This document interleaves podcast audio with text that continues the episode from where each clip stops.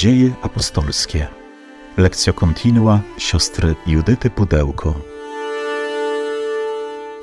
Powracamy do naszej lektury dziejów apostolskich, do tego słowa, które odkrywa przed nami coraz bardziej te pierwsze etapy życia rodzącego się Kościoła.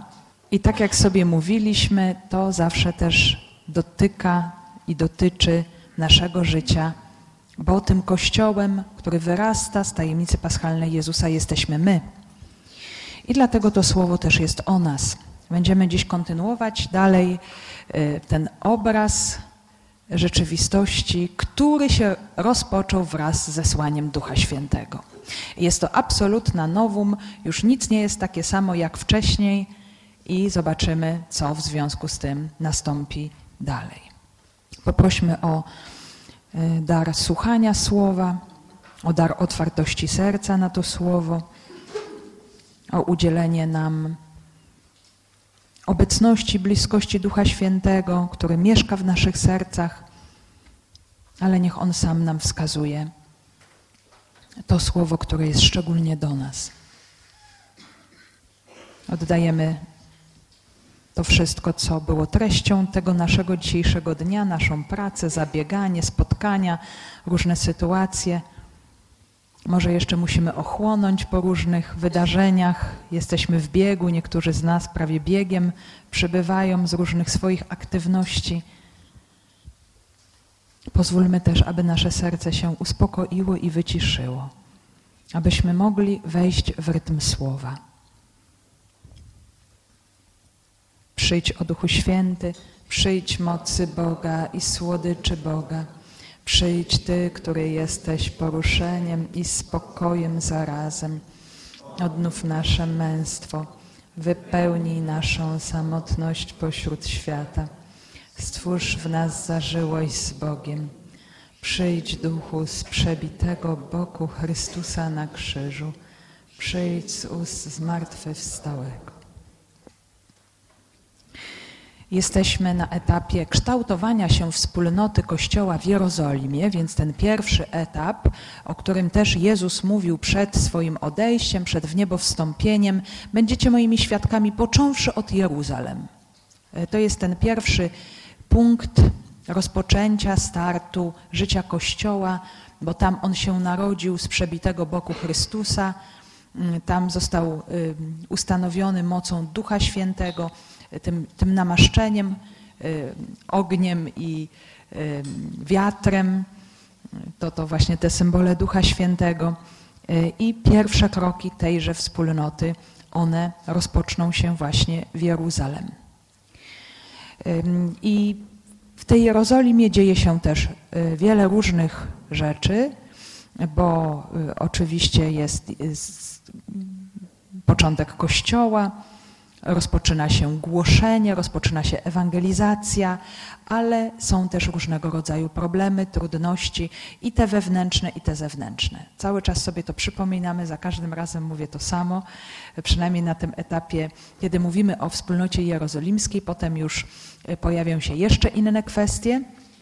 Natomiast e, tutaj e, to jest też bardzo ważne, bo od samego początku Kościół pomimo właśnie tej wielkiej mocy przejawiania się Ducha Świętego w tej wspólnocie, e, był doświadczany różnymi trudnościami. Także nie ma tutaj jakiejś sytuacji e, właśnie idealnej, e, bezproblemowej. Stąpił Duch Święty, no więc już sobie żyjemy jak w niebie. Otóż nie. Jesteśmy na ziemi, e, musimy cały czas wzrastać, musimy rozpoznawać wolę Pana, e, musimy mierzyć się z różnymi rzeczywistościami trudnymi e, i właśnie Duch Święty jest po to, żeby pośród tych trudnych sytuacji Kościół prowadzić i żeby też go słuchać, jemu się poddawać. Trzeba się też wyczulić na jego słuch i rozpoznawać te jego poruszenia. Ale jest to wspólnota zanurzona w konkretnym świecie. Na razie tym światem jest kontekst żydowski, czyli Jerozolima, z całą swoją bardzo silną przecież strukturą religijną, co będzie nam się y, już coraz bardziej tutaj też objawiać, jak ta konfrontacja będzie mm, wyglądała. Także Jezus odchodzi, y, obiecując dar ducha, obiecując umocnienie z wysoka i podczas żydowskiego święta tygodni, jak sobie mówiliśmy, czyli tego święta, które upamiętnia otrzymanie Tory na Synaju e, po siedmiu tygodniach wędrówki Izraelitów po wyjściu z Egiptu zostało zawarte przymierze i otrzymali e, dekalog, czyli to, co jest najważniejsze w Torze, w prawie żydowskim. E, I też podkreślaliśmy sobie to, że Łukasz nam opisał ten fenomen, objawienie się ducha, właśnie mm, używając też e, takiego podwójnego fenomenu, słyszalnego, czyli uderzenie wichru, i widocznego, czyli rozdzielające się języki ognia.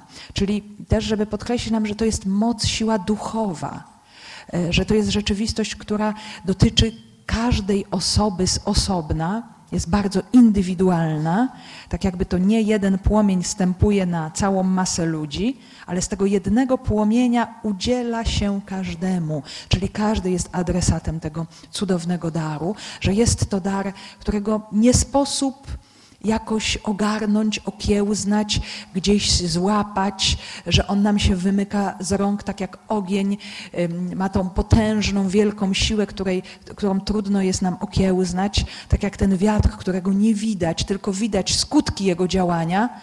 Właśnie to jest ta próba opisania tej cudownej rzeczywistości, która zupełnie przekracza nasze ludzkie rozumienie, e, którą możemy tylko przyjąć z ogromną wdzięcznością, bo to jest zamieszkanie Boga w nas. E, to jest e, oczywiście rzeczywistość, która uszczęśliwia człowieka. Kiedy duch przychodzi do człowieka, człowiek jest szczęśliwy. Człowiek jest pełen życia i radości, e, co też było widać w reakcji tych zgromadzonych wieczerników w sali na górze, także byli uznani oni za ludzi, którzy spożyli zbyt dużo słodkiego wina e, i właśnie popadli w tak ogromną radość, e, w, tak, w taki entuzjazm i tak możemy też powiedzieć euforię e, ogromną. I to nam pokazuje, moi drodzy, bardzo piękną właśnie rzecz, że człowiek z Bogiem jest niesamowicie szczęśliwy. Ale zły duch robi wszystko, żeby człowiek myślał, że jest zupełnie odwrotnie bo zobaczcie, gdyby tak generalnie wszyscy ludzie to wiedzieli, no to myślę, że kościoły by nam pękły w szwach w jednej sekundzie i by trzeba było codziennie budować nowe y, i, i w ogóle kapłani by nie nadążali w pełnieniu posługi. Y, my jesteśmy ciągle właśnie zwodzeni, okłamywani, że to, co Bóg daje, to nas nie uszczęśliwia, a wręcz przeciwnie, unieszczęśliwia. Ale ten obraz właśnie tego dotyku Boga, jakim jest Duch Święty. Moi drodzy, to zaraz też będziemy mówić i, i e, dziś i jeszcze w następne razy o tym, bo, bo dzieje apostolskie nam się bardzo mocno też na tym koncentrują, że dochodzi do takiego dotyku człowieka przez Boga, jakiego do tej pory jeszcze nie było. Bóg dotknął człowieka, kiedy go stworzył. No, my jesteśmy wszyscy stworzeni przez Boga przy pomocy naszych rodziców. E, Bóg dotknął człowieka w swoim synu. Byli ludzie dotykani, powiemy sobie, jacy szczęśliwi, byli dotykani przez Jezusa podczas Jego ziemskiego życia.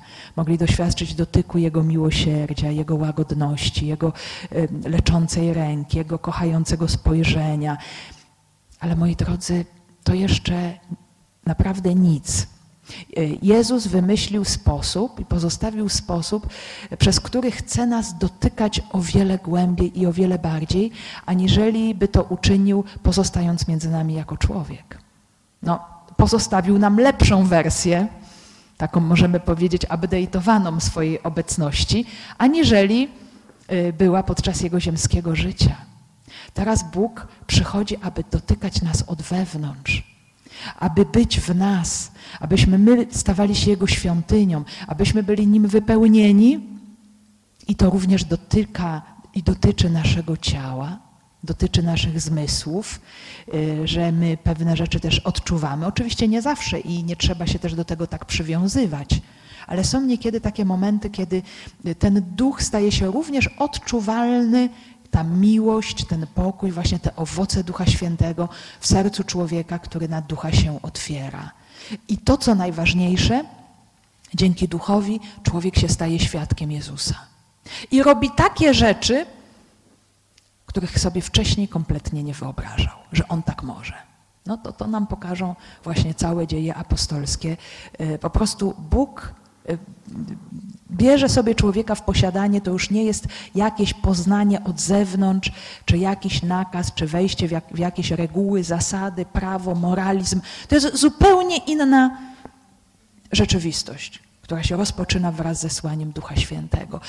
z, z sercem człowieka się po prostu coś takiego dzieje, z jego wnętrzem, mi jest tu trudno operować tymi wszystkimi terminami, bo my oczywiście wiemy, jak człowiek jest anatomicznie zbudowany, jakie tam ma wnętrzności, w którym miejscu, ale jak mówić o tej kategorii naszego ducha, naszego wnętrza, to, to te wszystkie władze duchowe, nasz umysł, nasza wola, no, uczucia, emocje to jest, to jest bardziej ta sfera zmysłowa, nie tyle duchowa, ale te pewne symptomy też się przez te ludzkie sfery y, po prostu objawiają y, i my jako cały człowiek doświadczamy Boga, który do nas przychodzi, który chce żyć w nas i chce przez nas działać. I to jest po prostu, moi drodzy, to jest tak cudowny fenomen, który nam pokazuje, że chrześcijaństwo, i cały czas my sobie tutaj to powtarzamy, e, czytając Słowo Boże, to jest relacja, z której dopiero wszystko inne wynika.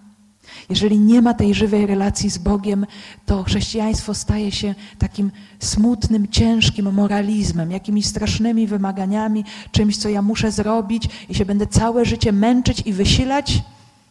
No i w końcu mi się zobaczę, że i tak nie dam rady tego wszystkiego zrobić.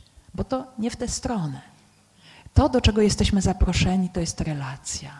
I ta relacja dokonuje się właśnie dzięki Duchowi Świętemu, który jest w nas.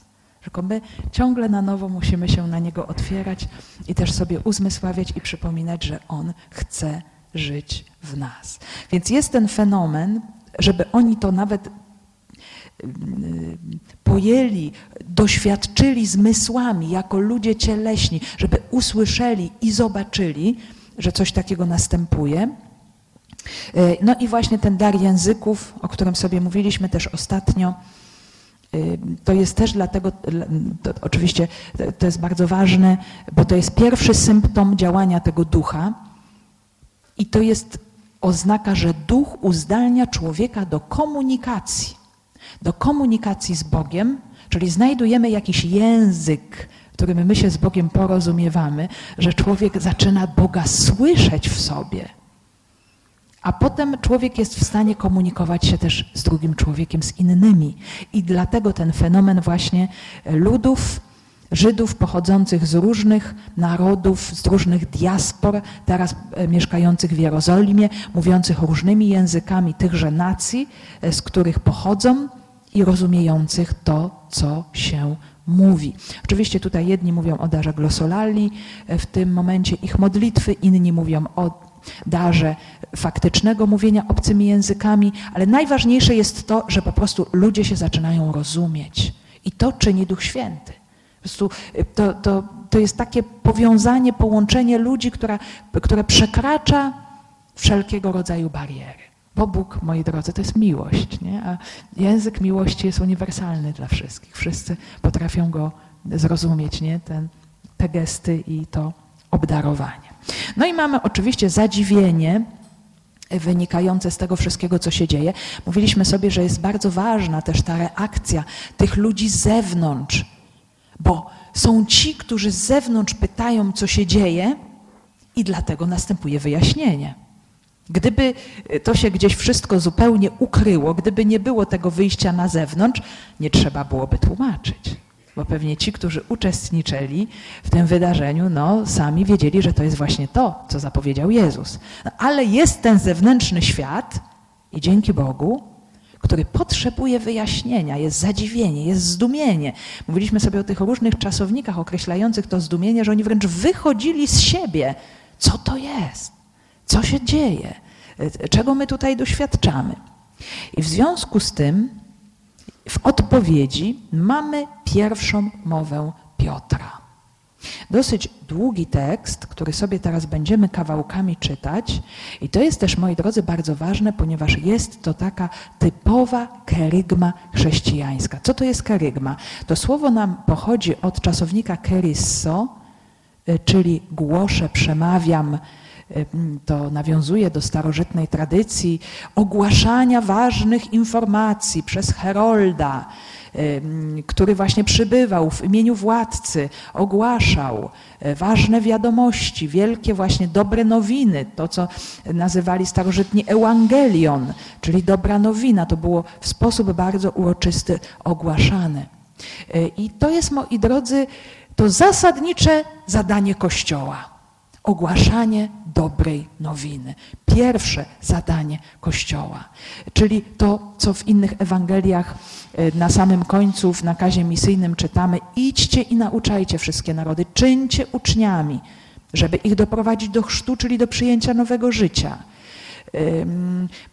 Głoście nawrócenie, odpuszczenie grzechów. Nauczajcie, udzielając chrztu. Więc mamy te różne formuły y, nakazu misyjnego i właśnie to głoszenie ono y, sprawia, że dar Ducha Świętego jest komunikowany przez Słowo. Przez Słowo. I my sobie zobaczymy, jak to wyglądało od początku. To jest niesamowicie ważne, moi drodzy, ponieważ tak jak Piotr, pełen Ducha Świętego, rozpoczął to głoszenie, i to odniosło bardzo wielkie skutki pośród tych słuchaczy, którzy przejęli się do głębi serca tym, co usłyszeli. Tak samo dziś to słowo ma taką samą moc. I dziś Kościół również jest zapraszany do tego, żeby właśnie w taki sposób to słowo głosić. E, więc mm, warto jest się przyjrzeć, jak to wyglądało w tej pierwotnej karygmie i zawsze ciągle nieustannie do tego powracać. E, więc mamy wprowadzenie, którym my się dziś zajmiemy. Tam będzie odniesienie do e, realizacji proroctwa Joela na temat wylania ducha na wszelkie ciało, czyli święty Piotr zacznie od głoszenia słowa, od odniesienia do Bożego Słowa, Bożej zapowiedzi. Czyli od tego wyjdzie. E, potem przejdziemy do centrum tej, tejże kerygmy, czyli głoszenie dobrej nowiny. I co jest tą dobrą nowiną? Ogłoszenie życia, męki, śmierci i zmartwychwstania Jezusa Chrystusa. To jest sedno, e, które e, to jest najważniejsze orędzie chrześcijańskie. Życie, w takim znaczeniu, że dzieło, ale bardzo to jest wszystko krótko powiedziane. Zobaczymy sobie następnym razem.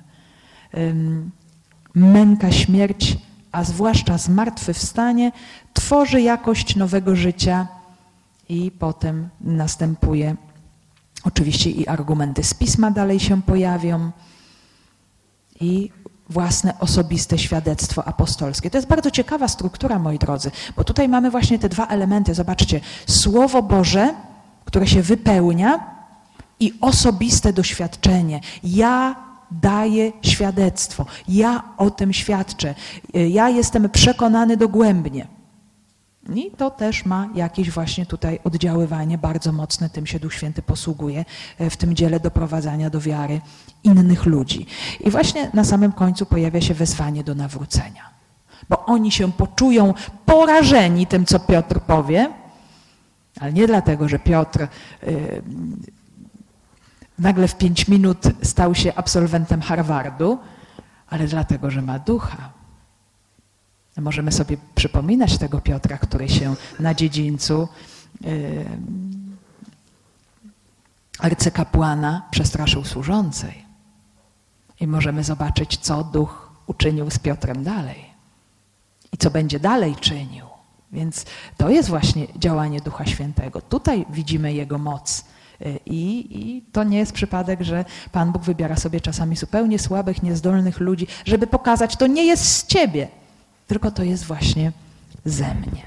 I mamy właśnie konkretny efekt. Więc dzisiaj sobie przeczytamy tekst o w, w proroctwie e, Joela e, to będzie wprowadzenie do tej karygmy, to same sedno karygmy, czyli życie, męka, śmierć i zmartwychwstanie Jezusa i co z tego wynika, to usłyszymy następnym razem.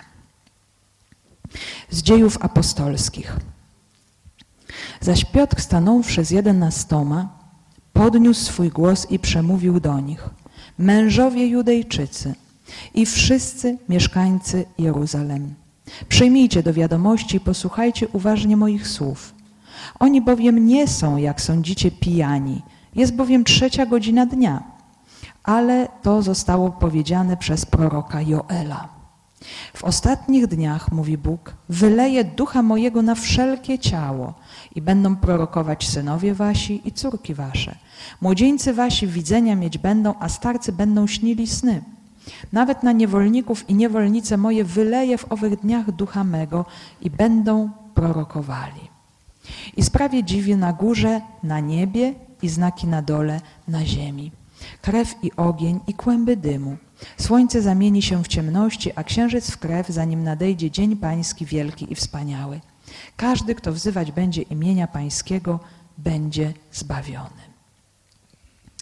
Zaś Piotr stanąwszy z jedenastoma, podniósł swój głos i przemówił do nich, mężowie Judejczycy i wszyscy mieszkańcy Jeruzalem, przyjmijcie do wiadomości i posłuchajcie uważnie moich słów.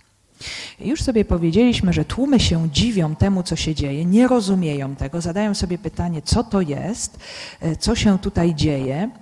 I dlatego właśnie pojawia się to wyjaśnienie ze strony Piotra, a jednocześnie jest to taka programowa mowa Piotra, która rozpoczyna całe dzieło ewangelizacji, całe świadectwo Kościoła.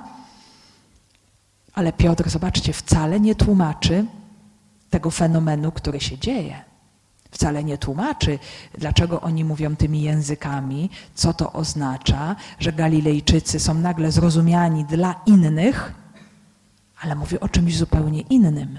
A mianowicie pokazuje, skąd jest moc i siła do tego wszystkiego. Czyli gdzie jest źródło tego wszystkiego, co się dzieje. Kto jest sprawcą tego wszystkiego, co się dzieje. To jest tak jakby, zobaczmy, sednem też przepowiadania Kościoła, bo te przejawy ducha, one mogą być bardzo różne. My nie możemy ducha y, sobie zamknąć y, w tym czy w tamtym i mieć taką całkowitą pewność, że duch na pewno zrobi to, albo na pewno zrobi tamto, bo duch jest niesamowicie twórczy. I on widzi, co jest potrzebne człowiekowi, i są te różne przejawy jego działania i jego mocy dostosowane do potrzeb człowieka, a człowiek ma po prostu zrozumieć, kto jest dawcą tego daru. Skąd to wszystko się wzięło? Jak to należy zrozumieć? I to jest, zobaczcie, bardzo piękne, bo to nie chodzi o tutaj właśnie w, tych, w tym dzianiu się, które może zadziwiać, jedynie o jakieś emocje. No to pięknie, tu się pojawił duch, no więc to się teraz pozachwycamy, poprzeżywamy sobie piękne emocje, no i miło nam upłynie dzień. Y, zobaczmy, moi drodzy, że to jest niesamowicie ważne, że to, co się dzieje, ma doprowadzić człowieka do zrozumienia działania Boga. Żeby człowiek swoim umysłem to zobaczył i stwierdził, tu działa Bóg. W taki sposób działa Bóg. On jest obecny. E, zobaczmy, ten element racjonalny też jest tutaj niesamowicie ważny. Zaraz zobaczymy odniesienie do pisma, do słowa. Czyli wiara, która pomimo tego, że wyraża się w ciele człowieka, że dotyka jego emocji, że ten Bóg y, pojawia się właśnie w taki sposób, który no, poraża swoim działaniem, on jednak zaprasza do tego, żeby człowiek zrozumiał, żeby człowiek przyjął to świadomie, żeby nawet podać pewne argumenty. Mm, więc jest to, jest to wszystko bardzo, bardzo też racjonalne chociaż przekracza naszą rzeczywistość racjonalną, ale Piotr będzie się starał też to bardzo y, tak po kolei y, w sposób ułożony wyjaśnić. Y, więc to jest, jak sobie mówimy, pierwsza mowa misyjna Kościoła.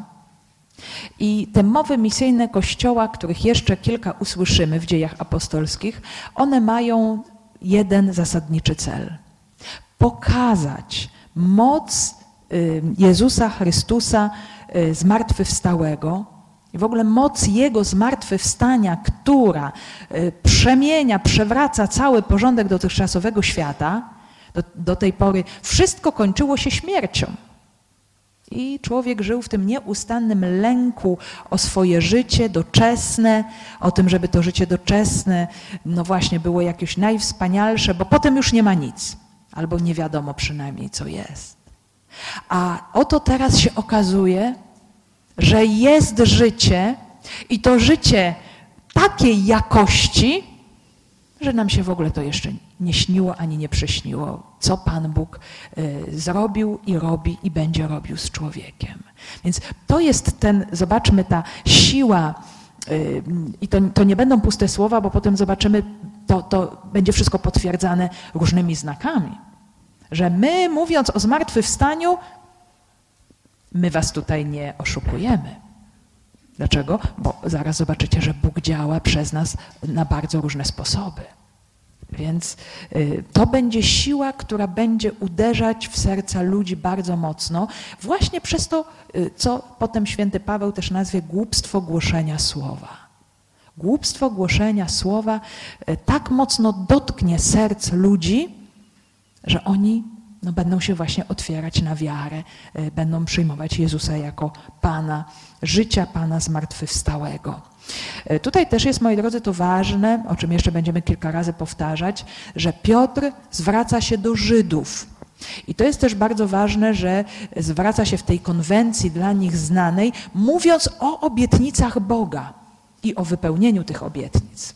Już inaczej będą wyglądały mowy wobec pogan, no bo oni troszeczkę inaczej będą już wchodzić w rzeczywistość też Kościoła.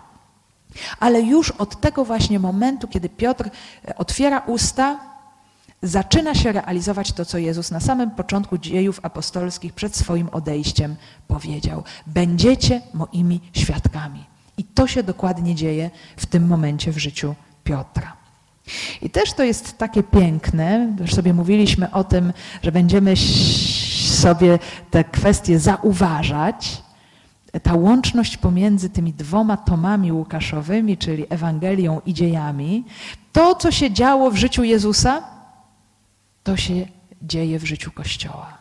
To są y, dwa cuda, których nie możemy rozdzielić. Moi drodzy, to jest dla nas też taki news, e, taka wiadomość, że w naszym życiu Jezus chce odzwierciedlić swoje życie. Więc możemy się przyglądać, jakie my elementy z życia Jezusa przeżywamy w naszym życiu w tym momencie. Nie możemy się dziwić, że w tym momencie pojawią się też rzeczywistości trudne. Właśnie coś, co możemy identyfikować z męką Jezusa. Nie? Bo my jesteśmy Jego częścią, my jesteśmy Jego ciałem. Kościół jest częścią Chrystusa, jest ciałem Chrystusa. Więc zobaczmy, y, niektórzy porównują tę mowę Piotra z inauguracyjną mową Jezusa w Nazarecie. Kiedy Jezus też mówi o wypełnieniu się słowa. Oczywiście e, to słowo w Jezusie wypełnia się zupełnie e, niezwykle i to jest e, jedyna taka możliwość, że to słowo wypełnia się w nim. Bo Jezus mówi, dziś wypełniły się te słowa, któreście słyszeli i, i tak jakby chciał powiedzieć, we mnie, na mnie, to się właśnie dokonuje. A Piotr też mówi, powie o wypełnieniu się słów Pisma, właśnie w Jezusie. No, będzie do Niego też to wszystko odnosił. Więc e, patrząc też nawet na strukturę tego mm, początku działalności Jezusa i początku działalności Kościoła, na samym początku mamy zawsze wydarzenie ducha. Jezus jest ochrzczony w Jordanie, jak pamiętamy na początku działalności. I stępuje duch no, ten duch, który wypełnia Jezusa, no nie jest tak, że ten duch się pojawia dopiero w tym momencie. Jezus jest od momentu poczęcia w łonie Maryi pełen Ducha Świętego, ale ten duch pokazuje swoją obecność tutaj. Y, potem Jezus zaczyna głosić i potem dokonują się uzdrowienia przejawy mocy właśnie tegoż ducha. I zupełnie tak samo jest w przypadku Kościoła. Jest ten właśnie chrzest w duchu, czyli zesłanie Ducha Świętego, e, jest głoszenie Piotra i potem nastąpią również uzdrowienia. To nie jest przypadkowa struktura. Dzieło Łukaszowe jest bardzo mocno przemyślane i to, to są właśnie te poszczególne etapy działania Bożego. Y, widzimy też, że Piotr wstaje, stoi razem z jedenastoma, więc to jest mowa Piotra, ale jest tutaj obecna cała wspólnota. To jest też bardzo ważne, że głoszenie jest dziełem wspólnoty. Nawet jeżeli głosi jeden czy głosi drugi, ta czy tamta osoba, to jest zawsze dzieło wspólnoty, y, nasze, Kościoła. Kościół głosi. Y, i posyła swoich reprezentantów. Też jest to mowa głoszona na stojąco, więc troszeczkę inna sytuacja niż w synagodze. W synagodze się nauczało na siedząco. I tak to wyglądało w przypadku Jezusa. Pamiętamy, że Jezus zwinął zwój Izajasza, oddał go i usiadł. I wtedy rozpoczął właśnie swoją, swoje mowę, swoje przepowiadanie. Tutaj wydaje się, że jest to właśnie otwarty plac, miejsce publiczne, i Piotr zabiera głos w tejże publicznej mowie. Właśnie zaprasza do słuchania, bo do przyjęcia słowa jest potrzebne słuchanie. To jest właśnie ten organ niesamowicie istotny, nasze ucho. To jest to, y, nasze ucho cielesne, to jest ten zewnętrzny organ słuchania. Potem jest jeszcze wewnętrzny organ słuchania, to jest nasze serce. Także może nam coś wejść uchem, ale niekoniecznie dojść do serca, więc y, słuchanie jest rzeczywistością niesamowicie też y, ważną. Y, I Piotr tłumaczy też okoliczności i odpowiada tutaj na te różne próby interpretacji tego wydarzenia. Oni bowiem nie są, jak sądzicie, pijani, jest bowiem trzecia godzina dnia. E, dzień rozpoczynał się o naszej godzinie szóstej rano, to była pierwsza godzina dnia e, i trwał do godziny szóstej wieczorem, tak czas żydowski liczono. Więc trzecia godzina dnia to jest dziewiąta rano. Dziewiąta rano to jest tak przyjęty chronologicznie moment stąpienia Ducha Świętego. A pierwszy posiłek, tak niektórzy podają, autorzy, był o 10 rano, więc mm, ten fenomen języków nie był spowodowany przez spożycie wina. Zresztą jak pracowano, no to wino też spożywano nieco później, czy nawet pito to wino rozcieńczone z wodą zazwyczaj, e, więc mm, rano nie było też tak, takiego zwyczaju, takiej tradycji. A tym bardziej, że jest jeszcze bardzo wczesna godzina. E, ale to zostało powiedziane przez proroka Joela. I Piotr się tutaj odnosi do słów proroctwa, że moi drodzy, jeżeli jesteście Żydami i studiujecie pismo, to ja wam zaraz przypomnę coś, co na pewno dobrze znacie. Tylko musicie sobie to przypomnieć. I w, w świetle tego słowa zrozumiecie ten fenomen, który się pojawił. O co tutaj właśnie chodzi? Więc mamy proroka Joela, piękne imię Joel, czyli Pan jest Bogiem. E, kiedy prorok Joel działał, wiemy, że na pewno po wygnaniu babilońskim, nie wiemy dokładnie w jakim czasie, ale mniej więcej na przełomie V i IV wieku przed Chrystusem, e, czyli tuż przed początkiem epoki helenistycznej, być może pomiędzy reformami Ezdrasza, Nehemiasza, I nie wiemy dokładnie też, kim był Joel, chociaż jego nauczanie się bardzo mocno koncentruje na Jerozolimie, na świątyni, e, na Syjonie właśnie, więc być może on mieszkał właśnie tam, być może wywodził się z kręgów kapłańskich. Mm, ale bardzo ważne jest, że druga część jego księgi dotyczy, tak to sobie pięknie egzegeci podzielili, działania Boga w eschatologii. Pierwsza część dotyczy działania Boga w teraźniejszej historii, czyli w tym czasie życia i działania proroka Joela. I jest jeszcze druga część orędzia, działanie Boga w eschatologii, czyli w jakichś ostatnich dniach, o czym też tutaj dziś słyszymy, że coś się niezwykłego dokona, że Bóg udzieli daru Ducha Świętego w jakiś niezwykły sposób. To będzie Duch Pana, Duch Boży. Oczywiście wiadomo, że tego ducha e, w tamtych czasach nie rozumiano tak, jak go my rozumiemy, bo to dopiero zostało objawione właśnie już po e, misterium paschalnym Jezusa, Kim jest Duch Święty? Kościół poznawał stopniowo. Oczywiście chodzi tutaj właśnie o ten przejaw mocy Bożej, Ducha Pana. Więc pojawią się niezwykłe znaki, pojawi się obecność Ducha i wszyscy ci, którzy wezwą imienia Pana, doświadczą zbawienie. Co to znaczy wezwać imienia Pana? Wezwać imienia Pana to znaczy nie tylko wypowiedzieć to imię ustami, tak zupełnie mechanicznie, ale to jest naprawdę go przyjąć, to jest naprawdę w niego uwierzyć. Kiedyś to słowo wypowiadane miało niesamowitą wartość. Jeżeli człowiek coś wypowiadał ustami, to to słowo niejako tworzyło rzeczywistość. Ja to potwierdzam, ja to przyjmuję. I wchodzę właśnie e, w ten Boży dar. Potem jeszcze jest taki bardzo piękny tekst, który mówi o tym, że w Dolinie Jozafata, czyli we fragmencie Doliny Cedronu, co niektórzy widzieli, to miejsce też w Jerozolimie, będzie miał miejsce sąd nad narodami. To ostateczne objawienie się Boga w ostatnich dniach. No ale właśnie dlaczego jest to proroctwo i o czym ono mówi? W ostatnich dniach, mówi Bóg, wyleje ducha mojego na wszelkie ciało i będą prorokować synowie wasi i córki wasze, młodzieńcy wasi widzenia mieć będą, a starcy będą śnili sny. Nawet na niewolników i niewolnice moje wyleje w owych dniach ducha mego i będą prorokowali. E, proroctwo. No, słyszymy tutaj właśnie o tym przejawie ducha, jakim jest proroctwo, a wtedy, kiedy Joel głosił, to proroctwo zaczęło powoli gasnąć. Dlaczego? Różne tego były powody, nie chcę w to teraz wchodzić bliżej, bo nie ma na to czasu, ale też musimy pamiętać, że od wygnania babilońskiego słowo już powoli było słowem spisanym. Czyli naród wybrany miał już punkt odniesienia, miał dar Słowa Bożego e, już do refleksji, do posłuszeństwa, do słuchania, do czytania, do rozważania, do przejmowania. E, więc miejsce, niektórzy mówią, proroków przejęło pismo. I ci mędrcy czy kapłani, którzy to pismo też interpretowali.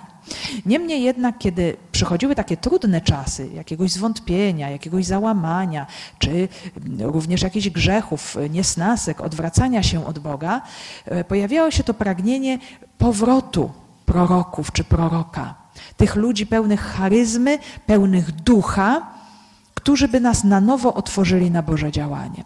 Moi drodzy, w rozumieniu Starego Testamentu posiadanie Ducha Bożego było bardzo często też identyfikowane z posiadaniem charyzmatu prorockiego. Czyli ten człowiek ma w sobie ten dar ducha, on y, nam objawia wolę Boga, on nas potrafi y, do Boga zwrócić. I to miało się dokonać właśnie w tych ostatnich dniach, dniach poprzedzających interwencję Boga, mieli się znów pojawić prorocy. Y, no i kim jest ten duch Boży? Mój duch, jak tutaj mówi prorok Joel, y, znaczy Bóg mówi przez proroka Joela, wyleje mojego ducha. Y, I co to jest za duch? I tak tylko w kilku słowach, w Starym Testamencie przede wszystkim to była wielka, potężna moc Boga i w pierwszej kolejności to była moc stwórcza. Czyli Duch Boży zawsze stwarza coś nowego, daje życie, czyni rzeczy nowe, mm, napełnia życiem daje człowiekowi życie, bo jest duchem żyjącego Boga. Kolejna sprawa, po powołaniu do życia, Duch Boży daje człowiekowi siłę i uzdalnia człowieka do wypełniania różnych zadań, również no, jakichś niesamowicie trudnych, przekraczających jego siły. To już widzieliśmy w Starym Testamencie, jak niektórzy ludzie byli wypełnieni duchem, i mogli dokonać wielkich dzieł w historii zbawienia, y, wykraczających poza ich siły, wielcy właśnie przywódcy, wojownicy, prorocy. To jest po prostu też moc do dokonania Bożych dzieł, zwłaszcza w sytuacji zagrożenia. Kolejna sprawa, o czym już przed chwilą mówiła, to jest duch, który uzdalnia do proroctwa. Czyli duch pozwala człowiekowi po pierwsze usłyszeć w sobie to, co mówi Bóg w tym momencie do ludu i jeszcze przełożyć to na język ludzki. wyrazić to po ludzku. Oczywiście to zawsze przechodziło przez umysł i przez kategorie. Y, Pan Bóg po prostu to przyjmuje. Danego człowieka, danego proroka. Pan Bóg bierze to pod uwagę, że jego słowo jest wyrażane przez ludzką mowę i na ludzkie sposoby. Czyli ten element ludzki też tutaj jest obecny y, i, i widzimy, że to Słowo Boże było z różnym natężeniem i temperamentem głoszone, ale to było właśnie to dzieło ducha, który oddziaływał na proroka, pośrednika pomiędzy Bogiem i y, ludem.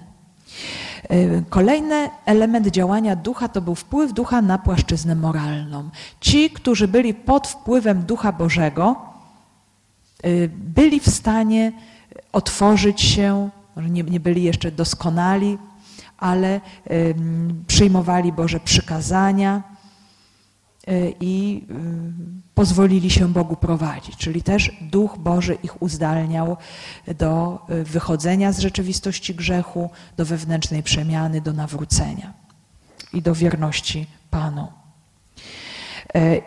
I tutaj mamy bardzo ciekawe wyrażenie, moi drodzy. Wyleje ducha. Wyleje ducha.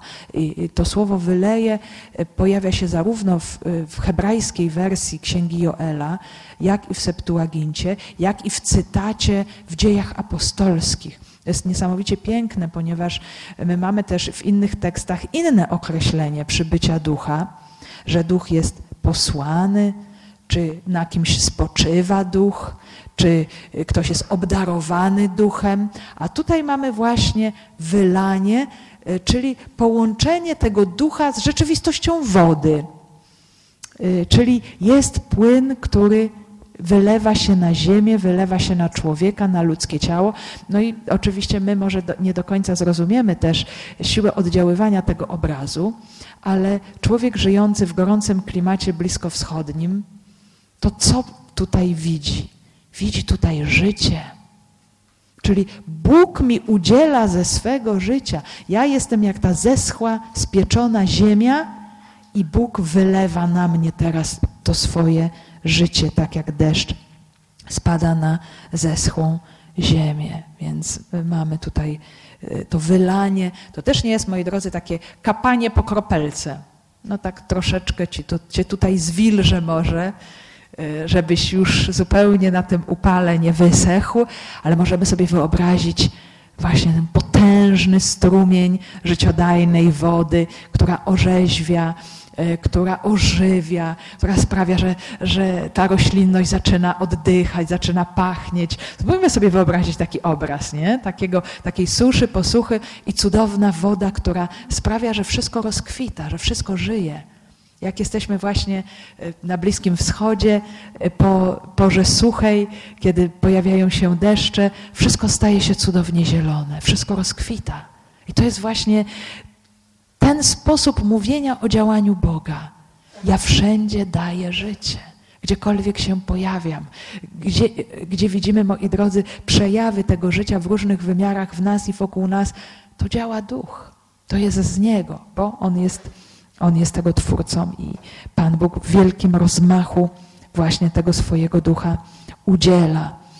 E, jakiś właśnie niektórzy mówią fluid, jakiś płyn, który e, umożliwia wydanie plonu. Tak samo się dzieje z człowiekiem, że człowiek dzięki duchowi może zacząć owocować w swoim życiu. Że ta roślina może się zacząć dzięki wodzie rozwijać, a człowiek może zacząć wydawać owoce. I to jest, moi drodzy, niesamowicie ważne w tym wymiarze duchowym. Dlaczego? Bo zobaczcie, my na poziomie biologicznym, e, tak nas Pan Bóg stworzył. Jesteśmy stworzeni do przekazywania życia, do dawania życia. Ten nakaz, który Bóg dał pierwszym rodzicom, bądźcie płodni, rozmnażajcie się, to jest bardzo mocno zakodowane w każdym człowieku. I, i teraz tak, jedni się realizują w ten sposób, ten Boży plan, że mają swoje dzieci, Natomiast nawet jeżeli ktoś nie ma swoich własnych dzieci, to i tak jest wezwany właśnie do wydawania owoców swojego życia. Jak ja mogę wydać te owoce? Otwierając się na Ducha Świętego. On sprawi, że ja zacznę owocować, czyli moje życie stanie się darem. Będzie dla kogoś. Ja przekażę Boże życie drugiemu, nie dlatego, że ja to życie mam, ja jestem taki tutaj bardzo żyjący, życiodajny i wspaniały, ale dlatego, że Bóg mi to daje i ja mogę to przekazywać kolejnym osobom, inni mogą doświadczać tego życia a jednocześnie dla mnie jest to wypełnienie e, tej mojej tożsamości ludzkiej, którą Bóg mi daje. Nie? Owocowanie, wydawanie owoców. No właśnie, co, do jakiego owocowania duch mnie uzdalnia? Tutaj możemy to, to pytanie sobie postawić. Jaką żywą wodą ten duch we mnie jest? Nie? Ale to jeszcze za chwilę będziemy pytania sobie stawiać na modlitwie. Więc duch nas uzdalnia do właśnie do bardzo różnych też rzeczywistości, bo on jest właśnie jak ta woda, która y, ożywia zeschłą ziemię. I, I to jest niesamowicie ciekawe, że do tej pory w historii zbawienia ten duch się wylewał, ale tylko na niektórych.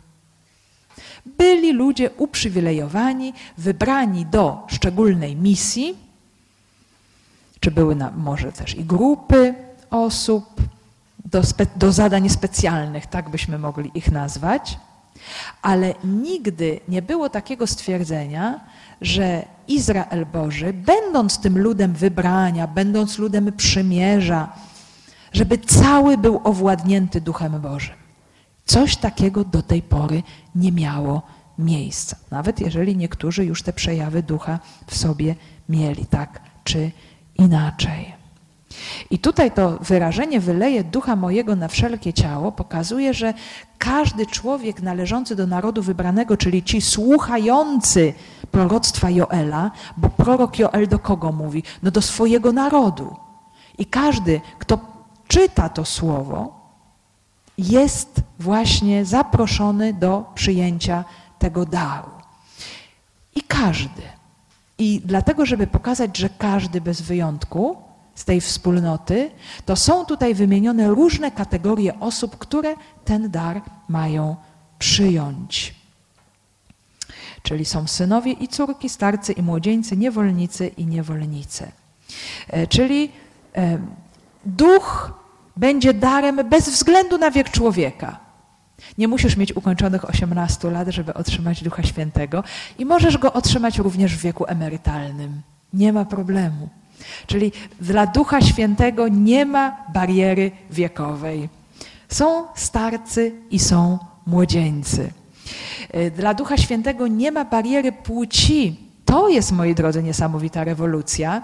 Patrząc na świat semicki e, starożytności, zawsze tymi współpracownikami najczęściej byli mężczyźni, chociaż też kobiety wyjątkowe nam się pojawiały, ale o wiele rzadziej, a teraz zobaczcie na równi są i synowie, i niewolnicy, i, i są córki, i niewolnice. Czyli są ludzie płci męskiej i ludzie płci żeńskiej. I tak samo Duch Święty nie patrzy na pozycję i na status człowieka. Jego to kompletnie nie obchodzi. Możesz być chińskim cesarzem, a możesz być ostatnim niewolnikiem pracującym w kamieniołomach i tak samo tego Ducha Świętego otrzymasz. Więc wszelkie bariery i granice zostają e, tutaj złamane. Czyli różnic nie będzie. Nie będzie już tych sztucznych, dziwnych podziałów, tych kategorii, ty jesteś to, a ty jesteś to. U świętego Pawła to też znajdujemy. Nie, nie ma już Żyda ani Greka, on jeszcze dalej wykracza. My sobie stopniowo dojdziemy też w wędrówce dziejów apostolskich do otwarcia się na ten dar pogan, e, ale jeszcze, jeszcze chwila e, musi tutaj czasu upłynąć. E, ale święty Paweł też właśnie o tym mówi, że Duch Święty te różne różnice znosi. Ale z drugiej strony zobaczcie, że pomimo to, to jest, to jest bardzo taki, taki ciekawy dynamizm, pomimo to, że Duch Święty stępuje na wszystkich bez wyjątku, i na tych, i na tych, i na tych, i na tych, to jednak nikt nie traci swojej wyjątkowości i jedynej oryginalności, jaką posiada. Wszyscy nie stają się identyczni w wyglądzie, w charakterze, w zachowaniu, w kulturze, w wyglądzie. Zobaczcie, jakie to jest niezwykłe, że Bóg nas łączy na zupełnie innej płaszczyźnie.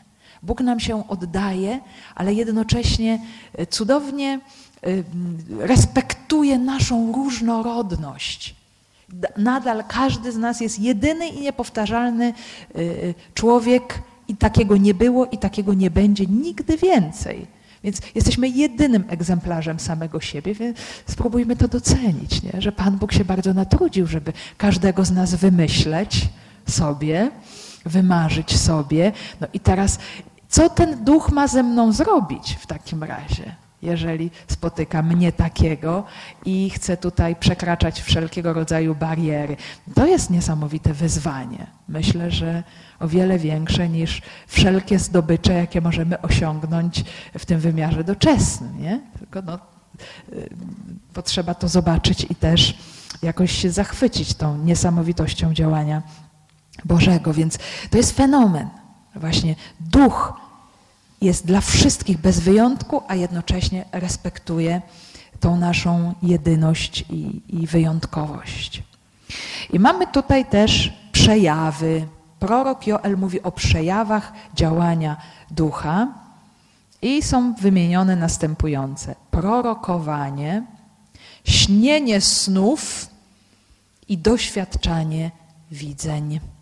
I są to wszystko trzy fenomeny obecne w literaturze prorockiej. I po co one były? Po to, żeby przyjąć Boże objawienie, żeby wejść w komunikację z Bogiem. E, Bóg mówił właśnie do człowieka, i człowiek w proroctwie to wypowiadał. Człowiek to słyszał. My nie wiemy jak, to jest bardzo rzecz tajemnicza, bo my czytamy te orędzia prorockie, kiedy oni mówią, to mówi Pan. Ale jak mu Pan powiedział to, jak on to usłyszał w sobie, to jest fenomen, to jest niesamowicie ciekawe. Ale potem ten człowiek to wypowiada, co Pan powiedział. I to jest to prorokowanie. Niekoniecznie e, prorokowanie to jest mówienie to, co się stanie w, prze, w przyszłości. Nam się to tak może też kojarzyć. Przede wszystkim prorokowanie to jest y, odczytanie mojego dziś, tego, co się dzieje w świetle Bożym. I kiedy ja odczytam to moje dziś w świetle Bożym, ja będę również rozumieć przyszłość.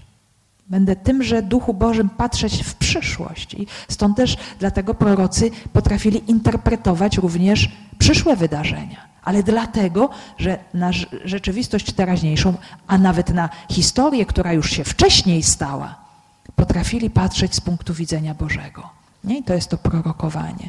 Czy sny do niektórych Bóg przez sny również mówił. Czy widzenia, też prorocy byli nazywani widzącymi. Znów my nie wiemy, jak te widzenia się dokonywały, czy one były w ich wyobraźni, czy były we śnie, czy to miało y, jakąś postać jakiegoś konkretnego widzenia, czy jedynie tylko właśnie jakieś bardzo duchowe doświadczenie. W każdym bądź razie wszystkie te przejawy dotyczą komunikacji pomiędzy Bogiem i człowiekiem. Więc zobaczmy, pierwszym przejawem wylania ducha jest to, że człowiek może zupełnie dostępnie usłyszeć Boga i z Nim komunikować. I moi drodzy, dla człowieka móc słyszeć Boga i z Nim komunikować, to chłonąć życie. To chłonąć miłość, która płynie od Boga do nas. Kiedy my jesteśmy zamknięci na tę rzeczywistość, my usychamy jak te badyle bez wody i szukamy tych namiastek, co mi da życie. Bo tego życia tak strasznie pragnę, bo człowiek ma w sobie tak straszny głód i nie wie, co z sobą zrobić, i się kręci, i biegnie, i tu, i tam, i szuka. I co mi da to życie? Zobaczcie, czy ten świat tak dziś nie wygląda. Tak ludzie biegną i szukają tego, co mi da życie. A tymczasem właśnie, y, kiedy ja doświadczam Boga, który mówi do mnie, bo Bóg zawsze mówi miłość. Moi drodzy, nie ma innej opcji, innej możliwości. Czy takie są, czy inne słowa Bożego objawienia, to to jest ten przepływ miłości do człowieka i to jest to, co nam daje życie. I zobaczmy, tak jest również z człowiekiem. Y, każdy człowiek, który doświadcza mowy miłości w bardzo różnych wymiarach, czy to jest niemowlak, bobas, czy dziecko, czy dorosły, czy starzec, żyje. Bo miłość przekazuje człowiekowi życie, bo jesteśmy stworzeni z miłości i do miłości. Więc otwierając się właśnie na tę komunikację, my wchodzimy w rzeczywistość pełnego życia. Czyli co chce powiedzieć prorok? Że nadejdzie taki moment człowieku, że już nie będziesz musiał szukać sobie takich czy nie innych pośredników, którzy tych, tych tylko kilku garstki wybranych, którzy byli uprzywilejowani i posiadali to oświecenie od Boga, ale każdy człowiek będzie mógł wejść w osobistą komunikację z Bogiem. Będzie mógł sam przyjmować to Boże życie do swojego życia. I właśnie mieć to życie w Bogu i też z Nim. I to jest cudownie, moi drodzy, zapowiedziane przez Mojżesza. E, Mojżesz oczywiście posiadał tego Ducha Bożego. On też bardzo długo, zobaczcie, dojrzewał do tego, żeby ten dar przyjąć, bo najpierw był właśnie ocalonym e, z pogromu, Bobasem, który następnie był wykształcony we wszystkich mądrościach Egiptu, książątkiem egipskim, któremu się wydawało, że tutaj zrobi rewolucję dla swoich Hebrajczyków, ale się bardzo mocno przejechał i jak pamiętamy, musiał uciekać na ziemię Madian, tam żyć w upokorzeniu jako pastuch, jako dzikus y, wśród gór. I dopiero kiedy powołuje go Bóg, on zaczyna rozumieć coraz bardziej swoją misję, otrzymuje uzdolnienie od Boga, otrzymuje Jego ducha, jest tym niesamowicie pokornym też człowiekiem. E, I kiedy już nie ma sił, żeby ten Boży lud prowadzić, jak pamiętamy, wkłada ręce na 70 innych Izraelitów i oni otrzymują ducha i zaczynają prorokować. I kiedy Jozue, wierny sługa Mojżesza, to widzi, mówi: Panie, zabroń im. To jest tylko Twoja funkcja. Dlaczego oni prorokują? Jest jakoś Jozue na tym etapie swej gorliwości zazdrosny o Mojżesza. I Mojżesz wtedy wypowiada cudowne, e, profetyczne słowa, które zobaczcie, w tym momencie początku Kościoła one się spełniają. Oby tak cały lud Pana prorokował, oby mu Pan dał swego ducha. Niech wszyscy prorokują, niech wszyscy otrzymają Ducha Bożego. Zobaczcie, jakie ogromne serce Mojżesza. Pragnie, aby każdy człowiek miał pełnię mocy działania obecności Ducha, ale trzeba było jeszcze na to bardzo mocno, intensywnie i długo czekać. I tutaj zobaczcie, następuje realizacja. Piotr to odkrywa. To też jest niesamowicie piękne i ważne że Duch Święty tak oświeca e, Piotra, że on zaczyna rozumieć Słowo Boże, które na pewno było dla niego bardzo trudne i skomplikowane, e, bo Piotr raczej nie należał do teologów studiujących Pismo Święte dzień i noc. Wiemy, że się po prostu zajmował w swoim życiu czymś innym. Ale to jest właśnie to działanie ducha, że on to słowo, które może słyszał gdzieś w synagodze, jak odczytane, zapowiadające te czasy ostateczne, wielkie działanie Boga, teraz on zobaczył, to jest to. To jest teraz. To się wypełnia, to się realizuje. Bóg jest wierny. Po wiekach wypełnia swoją obietnicę. Właśnie teraz to się dzieje. W tej epoce, kiedy ta nowa wspólnota się rodzi. Y, I mm, przechodzimy teraz do już ostatniej części tego naszego wstępu proroctwa, y, bo ten cytat z proroka Joela nam idzie tutaj dalej. I sprawie dziwy na górze, na niebie i znaki na dole na ziemi, krew i ogień i kłęby dymu. Słońce zamieni się w ciemności, a księżyc w krew, zanim nadejdzie dzień pański wielki i wspaniały. Każdy, kto wzywać będzie imienia pańskiego, będzie zbawiony. I mamy tutaj elementy fenomenów kosmicznych. To było też e, bardzo charakterystyczne dla e, starożytnej literatury żydowskiej, zwłaszcza dla nurtu apokaliptyki, e, że uważano, że no, kiedy Bóg zainterweniuje, to da takie znaki, że wszyscy będą wiedzieć, że to Bóg działa. I mm, też te fenomeny kosmiczne są obecne w Ewangelii, gdzie Jezus mówi o swojej paruzji, czyli o swoim powrocie, jak wróci w chwale, no to co? Zanim to nastąpi, to wystąpią silne trzęsienia ziemi, a miejscami głód i zaraza, ukażą się straszne zjawiska i wielkie znaki na niebie. Dlaczego tak, moi drodzy? Po to, żeby człowiek się bał? Nie po to, żeby człowiek się bał, bo my też oczywiście mamy dużo tych elementów obecnych w Apokalipsie Janowej i niektórzy się przerażają czytając Apokalipsę Janową. Natomiast chodzi tutaj o to, żeby człowiek, który nie wierzy generalnie, któremu się wydaje, że wszystko już zupełnie z tego świata zrozumiał, wie, ogarnia, rządzi, kieruje, jest głównym zarządcą wszechświata, żeby nagle zobaczył, że jednak jest tylko małym człowieczkiem, który no, niekoniecznie dużo może tutaj zdziałać. Że są pewne siły, potęgi, które przekraczają nasze ludzkie możliwości. To jest nam ludziom bardzo potrzebne, zwłaszcza tym, a zwłaszcza tym, i te znaki miały być dla tych, którzy nie wierzyli, którzy odrzucali Boga, żeby gdzieś dojść do ich y, serca, żeby ich w jakiś sposób obudzić też do myślenia. Też takie znaki miały miejsce podczas konania Jezusa. Była ciemność, słońce się zaćmiło, zasłona się rozdarła.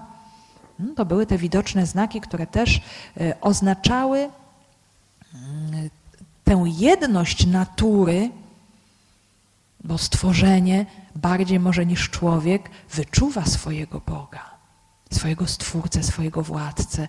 Więc kiedy ten Bóg umiera w Jezusie, cała natura cierpi i jednoczy się w tym bólu. Nie? To też może być właśnie taki wyraz.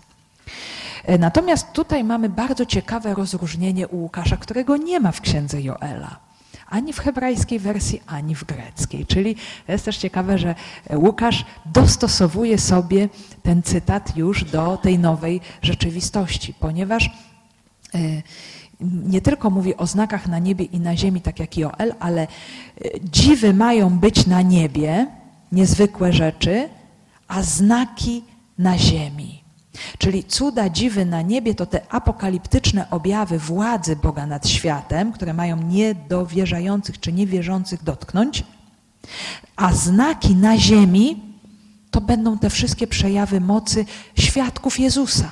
Te znaki na ziemi będą się dokonywały przez apostołów, przez ich posługę, y, a przez to oni będą potwierdzać otrzymany dar ducha co zaraz po mowie Piotra, właśnie w tych pierwszych dziełach, uzdrowieniach e, zresztą zobaczymy. I na samym końcu mamy to zaproszenie do wzywania imienia Pana. To imię Pana, Pan w języku hebrajskim, e, ten tetragram JHWH oznacza tego, który jest, jest obecny dla swojego ludu, to jest Bóg bliski i zbawiający swój lud. Mm, czyli jeżeli uwierzysz w sercu, że Bóg jest bliski, że Bóg jest Zbawicielem, jeżeli odrzucisz tę straszną pokusę, że Bóg jest przeciw Tobie, to jest największa pokusa złego ducha, która zawsze przywodzi człowieka do grzechu, doświadczysz Jego zbawienia. Bóg Cię zaprasza, ale każdy je, ma podjąć decyzję osobiście, że ja się na takiego właśnie Boga bliskiego obecnego otwieram. I dla Łukasza tym Panem, tym imieniem pańskim, to imię Pana objawia się w Jezusie zmartwychwstałym. On jest tym Kyriosem, tym Panem, który objawia nam Boga bliskiego, Boga zbawiającego. To imię będzie, czy wiara w to imię, wzywanie tego imienia, za chwilę zobaczymy, będzie sprawiało, że, że dokonają się rzeczy wielkie, rzeczy niezwykłe. I to wszystko, jak dalej potem mówi Joel już w dalszej części proroctwa, którego nie ma w dziejach apostolskich, dokona się na górze Syjon i w Jeruzalem. Czyli właśnie tam, gdzie Jezus umarł i zmartwychwstał, właśnie tam, gdzie stąpił Jego święty duch na wspólnotę. E, czyli Łukasz chce nam powiedzieć, to się wypełniło. Ten czas się rozpoczął. E, to się właśnie tak stało. I każdy jest zaproszony do uczestnictwa w tymże darze. I my również, moi drodzy, e, jesteśmy zaproszeni. Możemy dziś zadać sobie to pytanie, jaka cudowna woda Bożej łaski, Bożego życia dziś ma być wylana na moje życie i na moje serce. Co Duch Święty chce dziś uczynić we mnie i przeze mnie? jaką miłość chcemy dziś darować i do jakich dzieł, do jakiego owocu chce mnie dziś zaprosić.